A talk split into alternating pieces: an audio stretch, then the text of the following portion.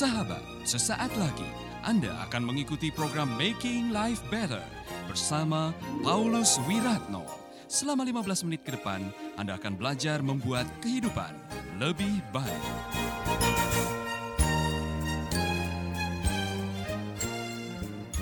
Nah, saudara-saudara, saya mau mengajak saudara-saudara untuk belajar sesuatu pada hari ini, yaitu mengenali benih pengkhianatan dalam diri.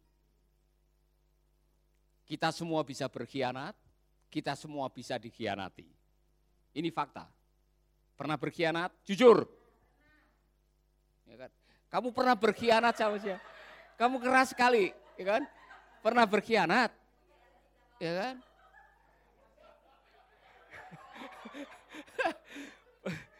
Anda pernah pernah dikhianati? Angkat tangan. Jujur. Ya. pernah pernah berkhianat dan pernah dikhianati. Dalam hidup ini ya kita pernah mengalaminya.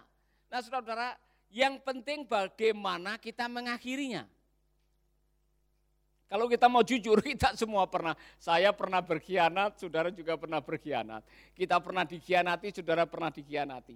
Tapi bagaimana kita menyelesaikan pengkhianatan dalam diri dan mengenali pengkhianatan serta menyelesaikan, itu yang penting. Ya dalam hidup ini saudara, tidak ada orang yang tidak pernah dikhianati dan tidak pernah berkhianat. Kau yang telah membuat luka di hatiku. Kau yang telah membuat janji-janji palsu.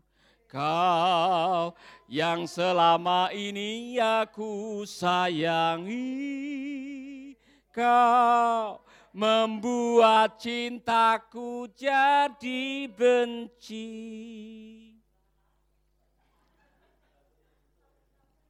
Saudara-saudara, pengkhianatan kalau bisa dideteksi dari awal, itu akan lebih bagus buat dua belah pihak.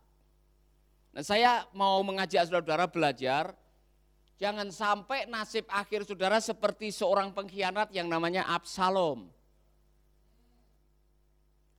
Anak Maaka ini, yang adalah putri raja dari Geshur, gantengnya bukan main. Penampilannya luar biasa. Alkitab mengatakan wajahnya sempurna dari ujung kepala sampai ujung telapak kaki. Tidak ada cacatnya. Hebat. Dia masuk cover boy berkali-kali. Di majalah, saudara-saudara. Penampilannya luar biasa. Tetapi dia mengakhiri hidupnya dengan sangat mengenaskan. Apa yang dibanggakan justru yang menjatuhkannya. Woi saudara-saudara, konon kalau dia pergi ke salon, kemudian dia potong rambut, itu rambutnya itu yang potongannya itu bisa sampai 2 kilo. Dicatat di Alkitab, rambutnya menjadi kebanggaannya dia, tapi rambutnya yang menjadi kebanggaannya dia itulah yang membuat dia mati karena waktu dia perang tersangkut carang pohon. Dia tergantung oleh karena rambutnya. Nah saudara-saudara, ini peristiwa yang sangat mengenaskan. Saya tidak ingin di akhir kehidupan Anda, Anda mewariskan catatan yang tidak baik. Maka matilah Absalom. Dalam situasi pengkhianatan dan belum ada rekonsiliasi dengan ayahnya. Dia melakukan kudeta dan seorang penafsir mengatakan dosa terbesar dalam diri Absalom adalah tidak sabar menunggu. Semua ada waktunya, saudara-saudara. Nanti pasti kalau sudah waktunya tiba, Daud akan memberikan tahta kerajaan kepadanya. Absalom tidak sabar. Dia dengan diam-diam melakukan rapat gelap di Hebron. Melakukan langkah-langkah pengkhianatan yang sangat-sangat uh, saudara licik. Pengkhianatan dimulai dengan dia membawa 50 uh, tentara berdiri di depan istana. Dan kalau ada orang mau melapor kepada raja dicegat. Dia bikin apa yang namanya shortcut. Mau ke mana? Oh mau menghadap Tuan Raja. Aduh dia sibuk. Dia tidak ada waktu. Masalahmu apa? tolong kasih tahu saya, saya pasti akan memberikan uh, hak penghakiman yang adil buat kamu. Jadi tidak usah menghadap sana. Tidak dia sibuk. Dia melakukan apa yang disebut dengan shortcut. Saudara-saudara, waspadai kalau Anda suka memiliki apa yang namanya shortcut. Ambil jalan pintas. Orang-orang yang ambil jalan pintas, biasanya mereka memiliki masalah yang belum tuntas. Dan orang-orang seperti ini bisa menjadi pengkhianat atau bisa eh, mengkhianati saudara. Tidak sabar. Makanya ambil short cut. Dalam hidup ini yang namanya sukses adalah proses. Tidak ada sukses yang diraih secara instan Absalom tidak sabar, kemudian dia melakukan apa yang namanya shortcut.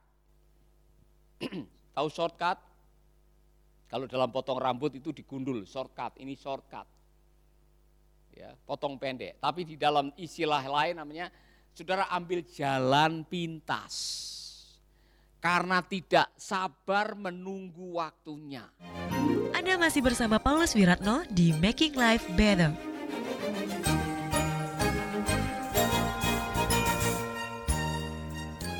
saudara, semua ada waktunya. Pernah masak nasi?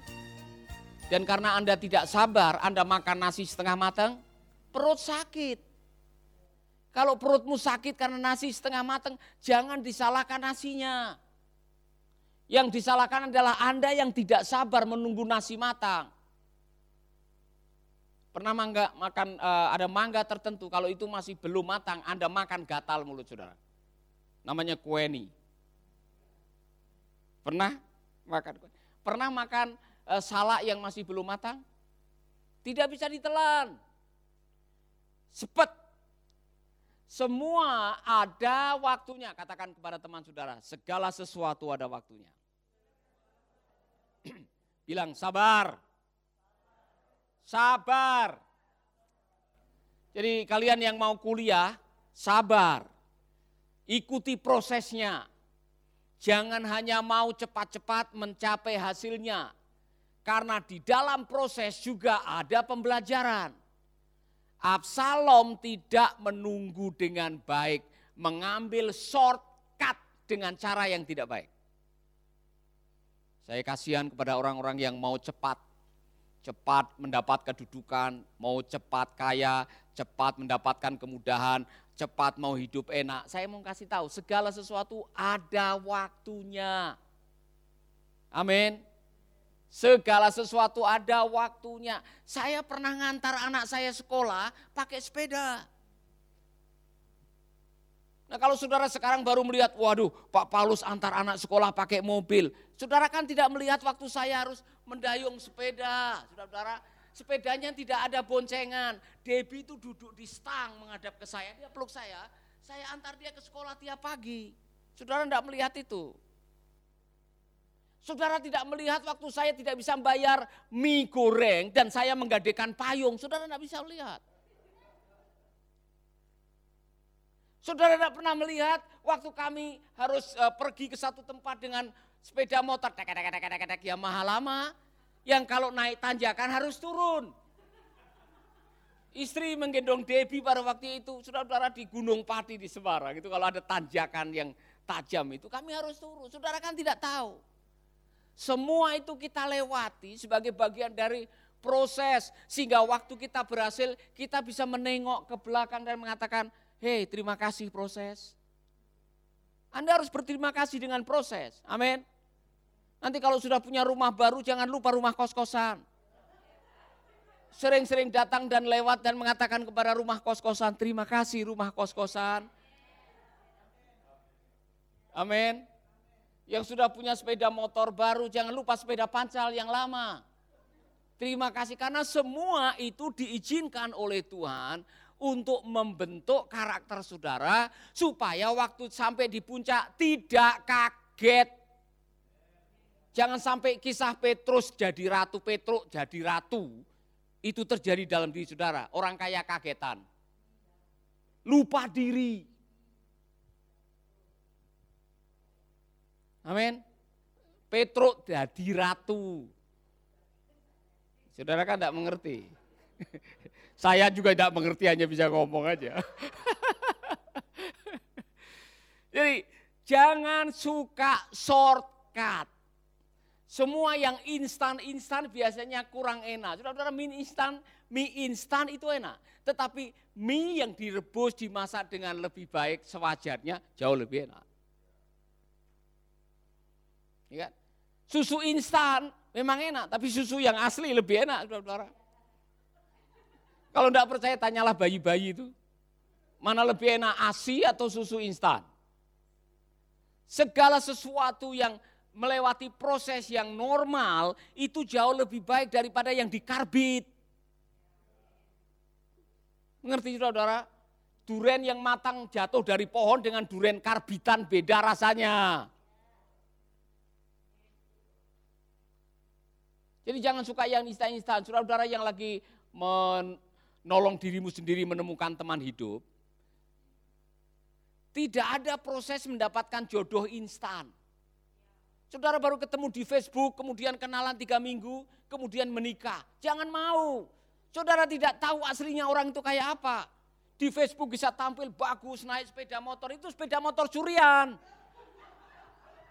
Saudara kan tidak tahu. Ya kan?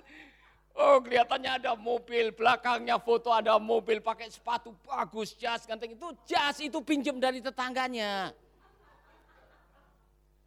Kenali dia dengan sebenarnya, jangan karena ingin cepat ambil shortcut, akhirnya Anda mengakhiri hidup dengan tidak baik.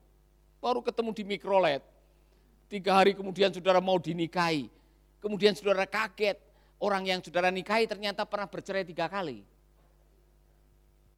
Saudara kaget setelah itu karena Anda tidak meluangkan waktu. Segala sesuatu ada waktunya. Amin.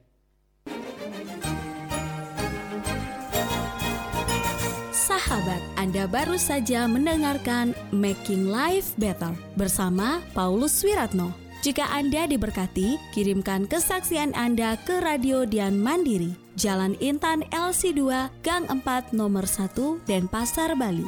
Kunjungi website kami di pauluswiratno.com, Facebook Paulus Wiratno. Hubungi kami di 0811 3901 144 dan 0811 3901 140. Sekali lagi 0811 3901 144 dan 0811 3901 140. Anda juga bisa mendengarkan program Making Life Better ini melalui handphone Anda. Download aplikasinya di Play Store atau App Store.